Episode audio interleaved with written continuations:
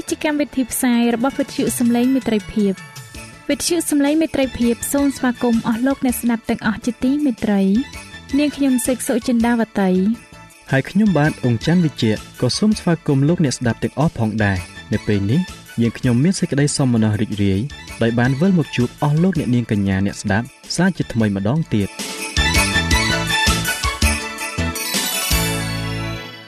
នាងខ្ញុំសេកសុចិន្តាវតី សូមជម្រាបជូនកម្មវិធីផ្សាយដែលមានជាបន្តបន្ទាប់ដូចតទៅនេតិជួបជាមួយព្រះបន្ទូលនេតិស្ពានជីវិត ចា៎លោកអ្នកស្ដាប់ជាទីមេត្រី នាងខ្ញុំសូមគោរពអញ្ជើញអស់លោកលោកស្រី អ្នកនាងកញ្ញាតាមដានស្ដាប់កម្មវិធីផ្សាយរបស់វិទ្យុយើងខ្ញុំដូចតទៅ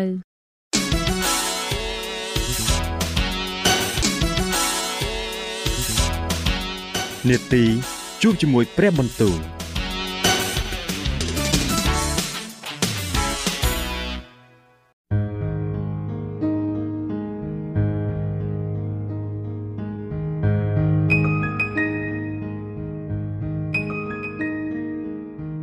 ចាអស់លោកអ្នកស្ដាប់ជាទីមេត្រី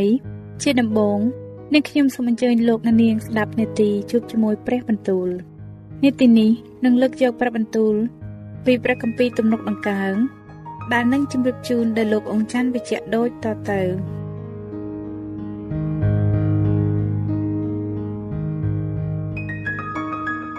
ព្រះគម្ពីរទំនុកដំកើងចំពុកទី96ចូលច្រៀងបទថ្មីថ្វាយព្រះយេហូវ៉ាចូលឲ្យជន់ទាំងឡាយនៅផែនដីច្រៀងថ្វាយព្រះយេហូវ៉ាចោះ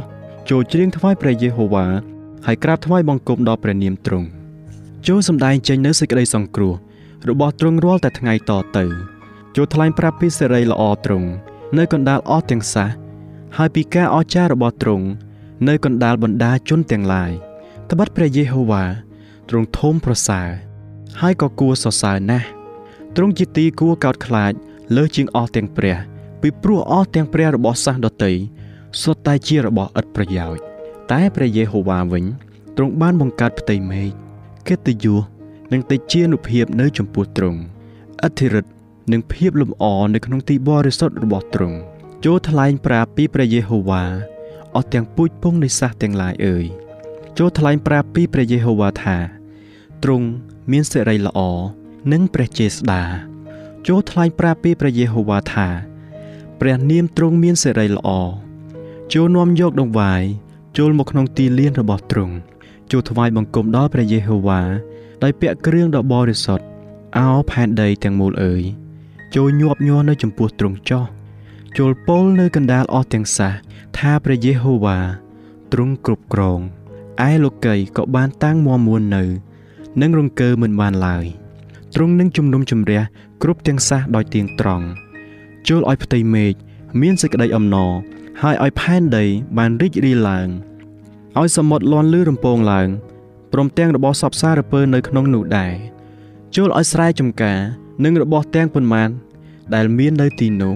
បានសបាយឡើងយ៉ាងក្រៃលែងនោះអស់ទាំងដើមឈើនៅព្រៃនឹងច្រៀងដោយអំណរដែរគឺនៅចំពោះព្រះយេហូវ៉ាត្បិតទ្រង់យាងមក គឺទ្រង់យាងមក ដើម្បីជំនុំជម្រះផែនដីទ្រង់នឹងជំនុំជម្រះលោកីដោយសេចក្តីសុចរិតព្រមទាំងសះទាំងប៉ុន្មានដោយសេចក្តីពិតត្រង់របស់ទ្រង់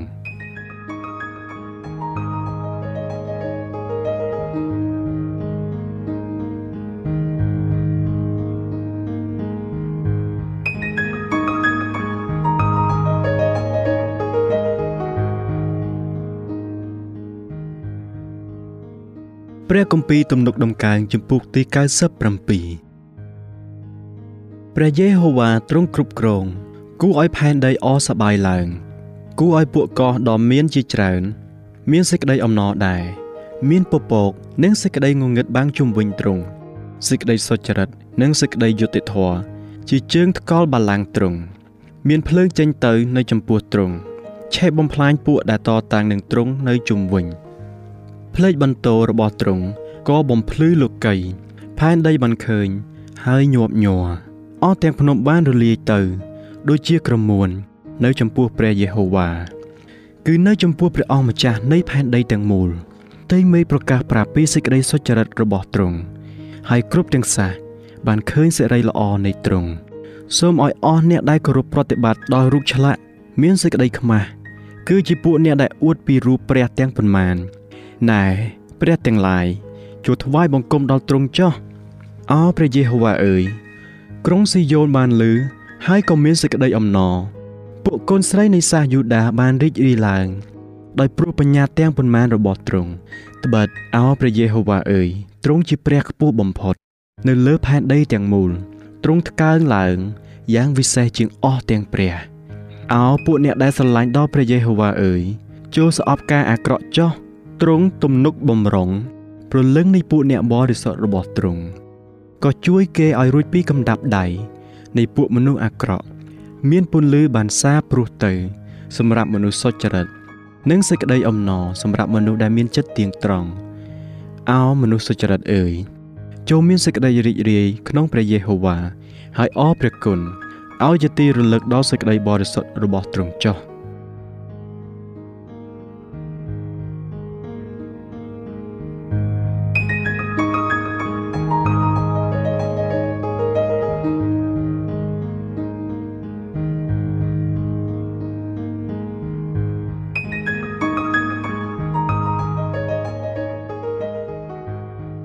ព្រះគម្ពីរទំនុកដំកើងចំពោះទី98ចូលច្រៀងបទថ្មីថ្វាយព្រះយេហូវ៉ាពីព្រោះទ្រង់បានធ្វើការយ៉ាងអស្ចារ្យព្រះហស្តស្ដាំ និងព្រះពិហុដ៏បរិសុទ្ធរបស់ទ្រង់បាននាំឲ្យទ្រង់មានជ័យជំនះព្រះយេហូវ៉ាទ្រង់បានសម្ដែងឲ្យស្គាល់សេចក្តីសង្គ្រោះរបស់ទ្រង់ទ្រង់បានធ្វើឲ្យសេចក្តីសុចរិតរបស់ទ្រង់បានប្រកបច្បាស់នៅចំពោះភ្នែកនៃអស់ទាំងសាសទ្រង់បាននឹកចាំពីសេចក្តីសប្បុរស និងសេចក្តីស្មោះត្រង់របស់ទ្រង់ចំពោះវងអ៊ីស្រាអែលហើយអស់ទាំងចុងផែនដីបានឃើញសេចក្តីសង្គ្រោះរបស់ព្រះនៃយើងខ្ញុំជួលឡើងសំឡេងដោយអំណរថ្វាយព្រះយេហូវ៉ាអោផែនដីទាំងមូលអើយចូលទម្លាយច្រៀងដោយអំណរអើចូលច្រៀងសរសើរចុះចូលច្រៀងបទសរសើរថ្វាយព្រះយេហូវ៉ាតាមសុងគឺដោយចាប់សុងហើយដោយសំឡេងដ៏ពីរោះដោយត្រែនិងសូរស្នែងផង ចូលឡើងសំឡេងដោយអំណរនៅចំពោះព្រះយេហូវ៉ាដ៏ជាមហាក្សត្រចូលឲ្យសមុទ្រលាន់លឺរំពងព្រមទាំងរបស់សពសារពើដែលនៅក្នុងនោះ ហើយលោកីនិងអស់អ្នកដែលនៅលោកីផងចូលឲ្យអស់ទាំងទន្លេទះដៃហើយឲ្យភ្នំទាំងប៉ុន្មានច្រៀងជាមួយគ្នាដោយអំណរគឺនៅចំពោះព្រះយេហូវ៉ាត្បិតទ្រង់យាងមក ដើម្បីជំនុំជម្រះផែនដីទ្រង់នឹងជំនុំជម្រះលោកី ដោយសេចក្តីសុចរិតហើយអស់ទាំងសាសដោយសេចក្តីទៀងត្រង់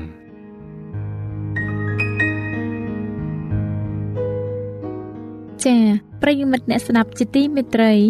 ដោយពេលវេលាមានកំណត់ យើងខ្ញុំសូមផ្អាកនេតិជប់ជាមួយព្រះបន្ទូលនេះត្រឹមតែប៉ុណ្ណេះសិនចុះដោយសន្យាថានឹងលើកយកនីតិនេះមកជម្រាបជូនជាបន្តទៀតនៅថ្ងៃច័ន្ទសប្តាហ៍ក្រោយ សូមអរគុណ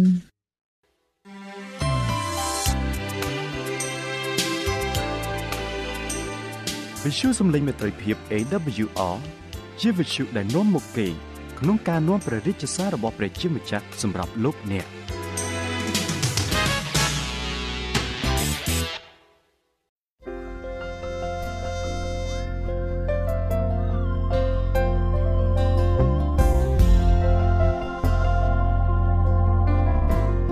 ចា៎ជាបន្តទៅទៀតនាងខ្ញុំសូមគោរពអញ្ជើញអស់លោកអ្នកនាង តាមដានស្ដាប់នេតិស្ពានជីវិត ដែលនឹងជម្រាបជូនដល់លោកអង្ចាន់វិជ្ជៈដូចតទៅ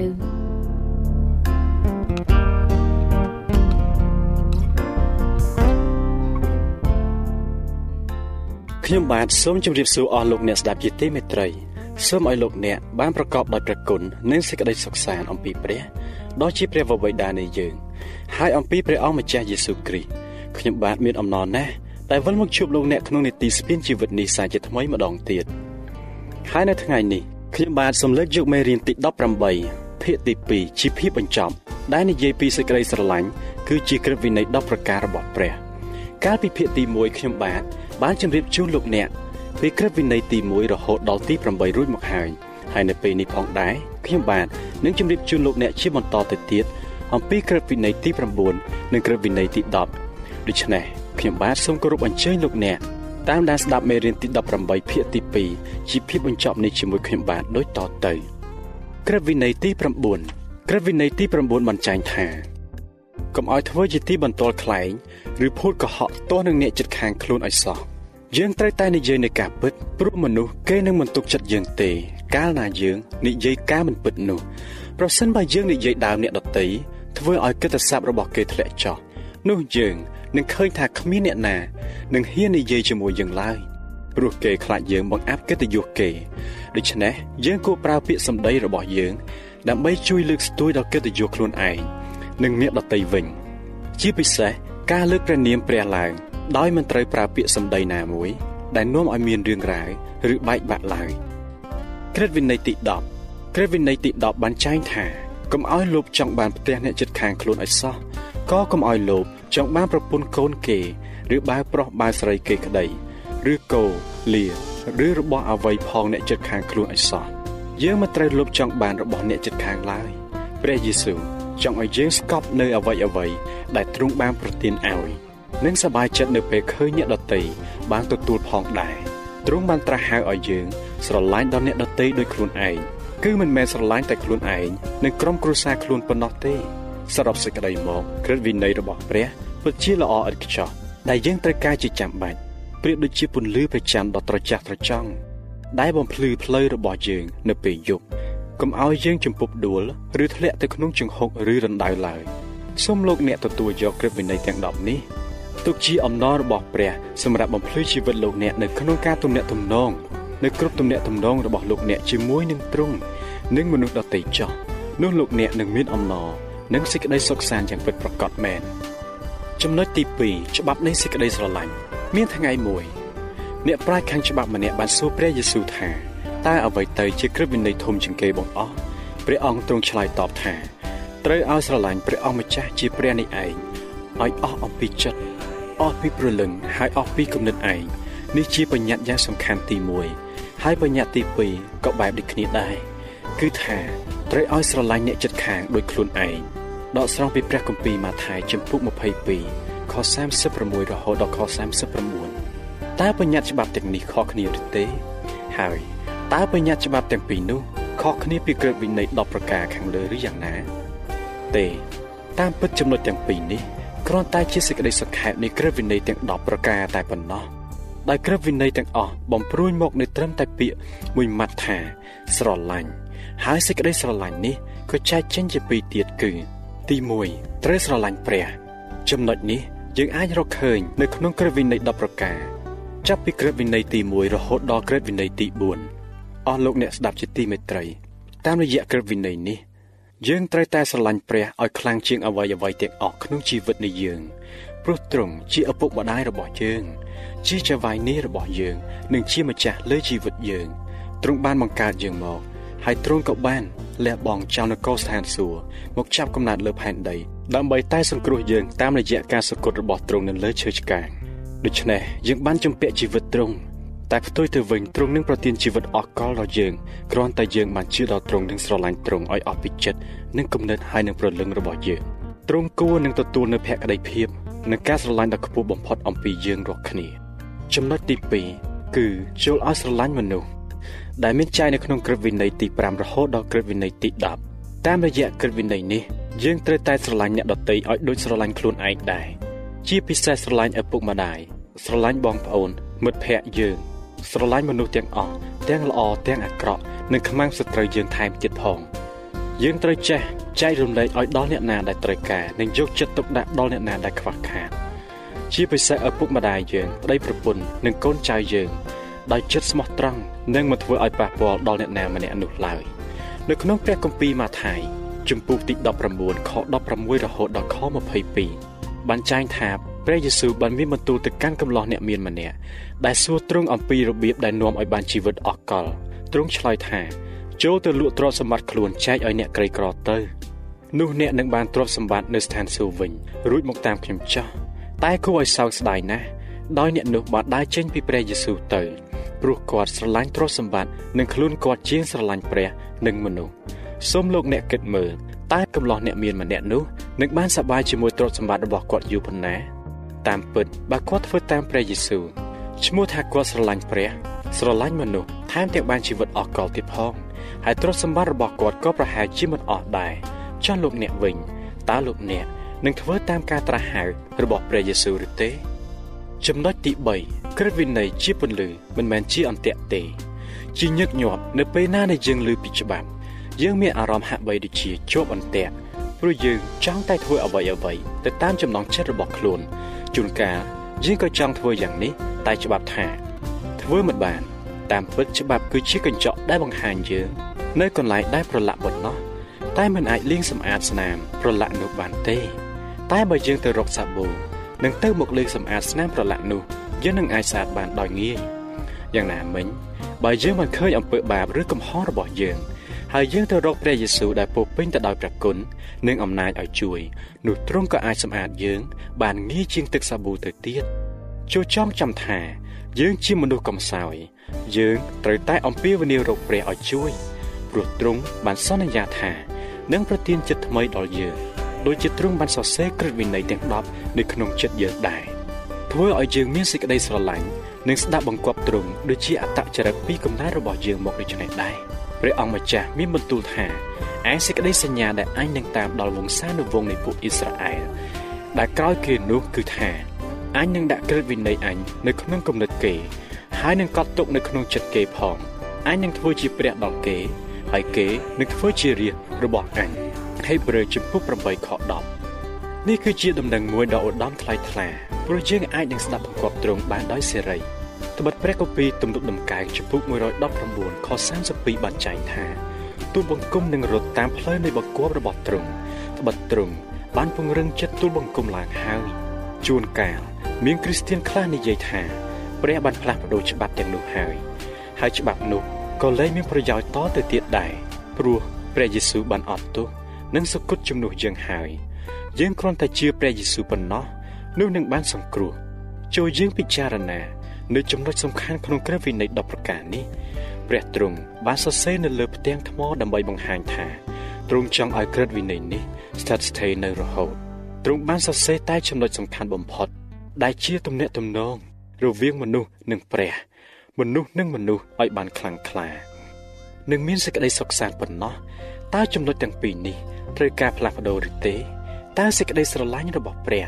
និងសេចក្តីស្រឡាញ់របស់យើងចំពោះព្រះនិងអ្នកដតីមានការផ្លាស់ប្ដូរដែរឬទេពិតជាពុំមានការផ្លាស់ប្ដូរឡើយព្រះគម្ពីរបានសម្ដែងថា ព្រះយេស៊ូវបានរស់នៅដោយគោរពក្រឹតវិន័យយ៉ាងត្រឹមត្រូវហើយពួកសិស្សក៏បានធ្វើតាមទ្រង់ដូច្នេះយើងក៏ត្រូវតែគោរពក្រឹតវិន័យទាំងអស់ដោយគ្មានផ្លាស់ប្ដូរដែរព្រះយេស៊ូវបានមានបន្ទូលតាមរយៈព្រះគម្ពីរម៉ាថាយជំពូក5ខ17ថា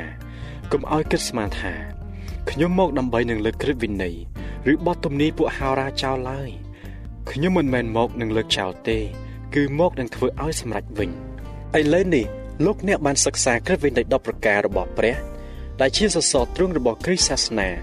ហើយព្រមទាំងយល់ថាល្អទៀតផងដូច្នេះតើលោកអ្នកសម្រេចចិត្តនឹងចូលជាសមាជិកនៃគ្រួសារគ្រីស្ទាននៅពេលណាបើកាន់តែឆាប់នោះកាន់តែល្អ ចំណុចពិសេសនៃក្រឹតវិន័យរបស់ព្រះមិនគ្រាន់តែល្អទេ តែមានព្រះយេស៊ូវចាំនាំចិត្តលោកអ្នកឲ្យគោរពតាមទៀតផង បាទអស់លោកអ្នកស្ដាប់ជាទីមេត្រីមុននឹងបញ្ចប់មេរៀននេះខ្ញុំបាទសូមសង្ខេបនៅក្រឹតវិន័យទាំង10ប្រការនេះសារឡើងវិញជូនអស់លោកអ្នកម្ដងទៀតក្រឹតវិន័យទី1កុំឲ្យមានព្រះឯណាទៀតនៅចំពោះអញឲ្យសោះក្រឹតវិន័យទី2កុំឲ្យឆ្លាក់ធ្វើរូបណា សម្រាប់ឯងឲ្យសោះក្រឹតវិន័យទី3 កុំឲ្យចេញព្រះនាមរបស់ព្រះយេហូវ៉ាជាព្រះនៃឯងជាអាសាឥតកាលឡើយក្រឹតវិន័យទី4ចូលឲ្យនឹកចាំពីថ្ងៃឈប់សម្រាកដើម្បីញែកថ្ងៃនោះចេញជាបរិសុទ្ធក្រឹតវិន័យទី5ចូលឲ្យគោរពប្រតិបត្តិដល់ឪពុកម្ដាយដើម្បីឲ្យបានអាយុវែងនៅក្នុងស្រុកដែលព្រះយេហូវ៉ាជាព្រះនេះឯងទ្រង់ប្រទានឲ្យក្រឹតវិន័យទី6កុំឲ្យសម្លាប់មនុស្សឲ្យសោះក្រឹតវិន័យទី7កុំឲ្យផិតគ្នាឲ្យសោះក្រឹតវិន័យទី8 កុំឲ្យលួចប្លន់ឲ្យសោះក្រឹតវិន័យទី9កុំឲ្យធ្វើជាទីបន្ទាល់ខ្លែងតនឹងអ្នកចិត្តខាងខ្លួនឲ្យសោះក្រឹតវិន័យទី10កុំឲ្យលុបចង់បានផ្ទះអ្នកចិត្តខាងខ្លួនឲ្យសោះក៏កុំឲ្យលុបចង់បានប្រពន្ធគេ ឬបើប្រុសបើស្រីគេឬគោលាឬរបស់អ្វីផងអ្នកចិត្តខាងខ្លួនឲ្យសោះបាទអស់លោកអ្នកស្ដាប់ជីទីមេត្រីពេលវេលានៃនីតិស្ពានជីវិតរបស់យើងបានមកដល់ទីបញ្ចប់ហើយ មេរៀនស្ពានជីវិតចំពោះទី18ដែលនិយាយអំពីសេចក្តីស្រឡាញ់គឺជាក្រឹតវិនិច្ឆ័យ10ប្រការរបស់ព្រះ នៅពេលនេះក៏សន្មតថាចប់ដោយបរិបូរណ៍ហើយដែរហើយខ្ញុំបាទនឹងវិលមកជួបអស់លោកអ្នកផ្សាយជាថ្មីម្ដងទៀតនៅក្នុងនេតិរបស់យើងលើកក្រោយដោយនឹងនាំយកនៅជំពូកទី19មកជូនលោកអ្នកសម្ដាប់ជាបន្តទៀតដូច្នេះសូមឲ្យព្រះជាម្ចាស់បានប្រទានពរដល់អស់លោកអ្នកបងប្អូនទាំងអស់គ្នា សម្រាប់ពេលនេះខ្ញុំបាទពងច័ន្ទវិជ្ជៈ សូមអរគុណនិងសូមជម្រាបលា ចា៎អស់លោកអ្នកស្ដាប់ជាទីមេត្រីដែលសារពេលវេលាមានកំណត់យើងខ្ញុំសូមផ្អាកនីតិស្ પિ នជីវិតនេះត្រឹមតែប៉ុណ្្នឹងសិនចុះយើងខ្ញុំនឹងលើកយកនីតិនេះមកជម្រាបជូនអស់លោកអ្នកជាបន្តទៅទៀតនៅថ្ងៃពុធសប្តាហ៍ក្រោយ ចាសសូមអរគុណ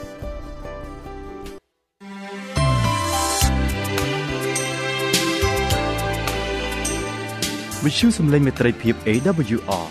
មានផ្សាយពីរដងក្នុងមួយថ្ងៃ គឺព្រឹកនៅម៉ោង6និងពេលយប់នៅម៉ោង8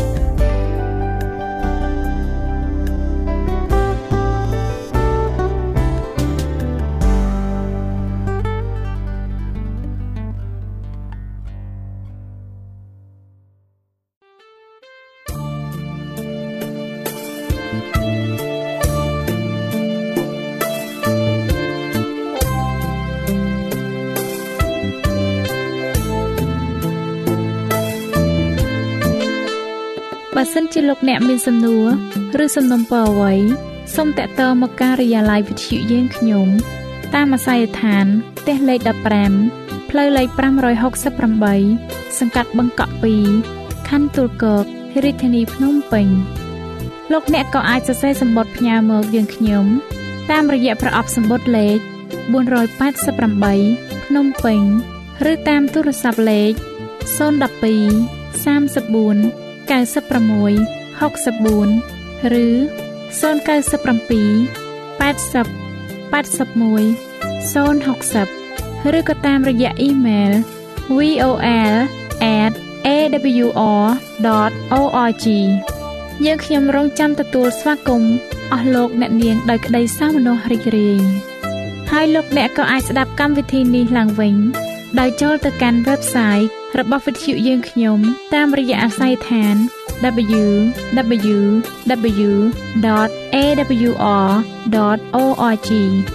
លោកអ្នកនាងកញ្ញាជាទីមេត្រី កម្មវិធីផ្សាយរបស់វិទ្យុសំឡេងមេត្រីភាពនៅពេលនេះសូមបញ្ចប់តែប៉ុណ្ណេះយើងខ្ញុំសូមអរគុណចំពោះការតាមដានស្ដាប់របស់អស់លោកអ្នកតាំងពីដើមរហូតដល់ចប់យើងខ្ញុំសូមជូនពរឲ្យអស់លោកអ្នកនាងកញ្ញាទាំងអស់បានចម្រើនឡើងក្នុងព្រះគុណព្រះអង្គម្ចាស់ ហើយក្នុងការទទួលយកព្រះយេស៊ូវគ្រីស្ទជាព្រះអង្គម្ចាស់និងជាព្រះអង្គសង្គ្រោះនៃយើងរាល់គ្នានាទីផ្សាយរបស់វិទ្យុយើងខ្ញុំនឹងវិលមកជួបអស់លោកអ្នកសាជាថ្មីម្ដងទៀតនៅថ្ងៃស្អែកវេលាម៉ោងដដែលនាងខ្ញុំសេកសុចិន្តាវតីនិងខ្ញុំបាទអ៊ំច័ន្ទវិជ្ជៈសូមអរគុណសូមជម្រាបលា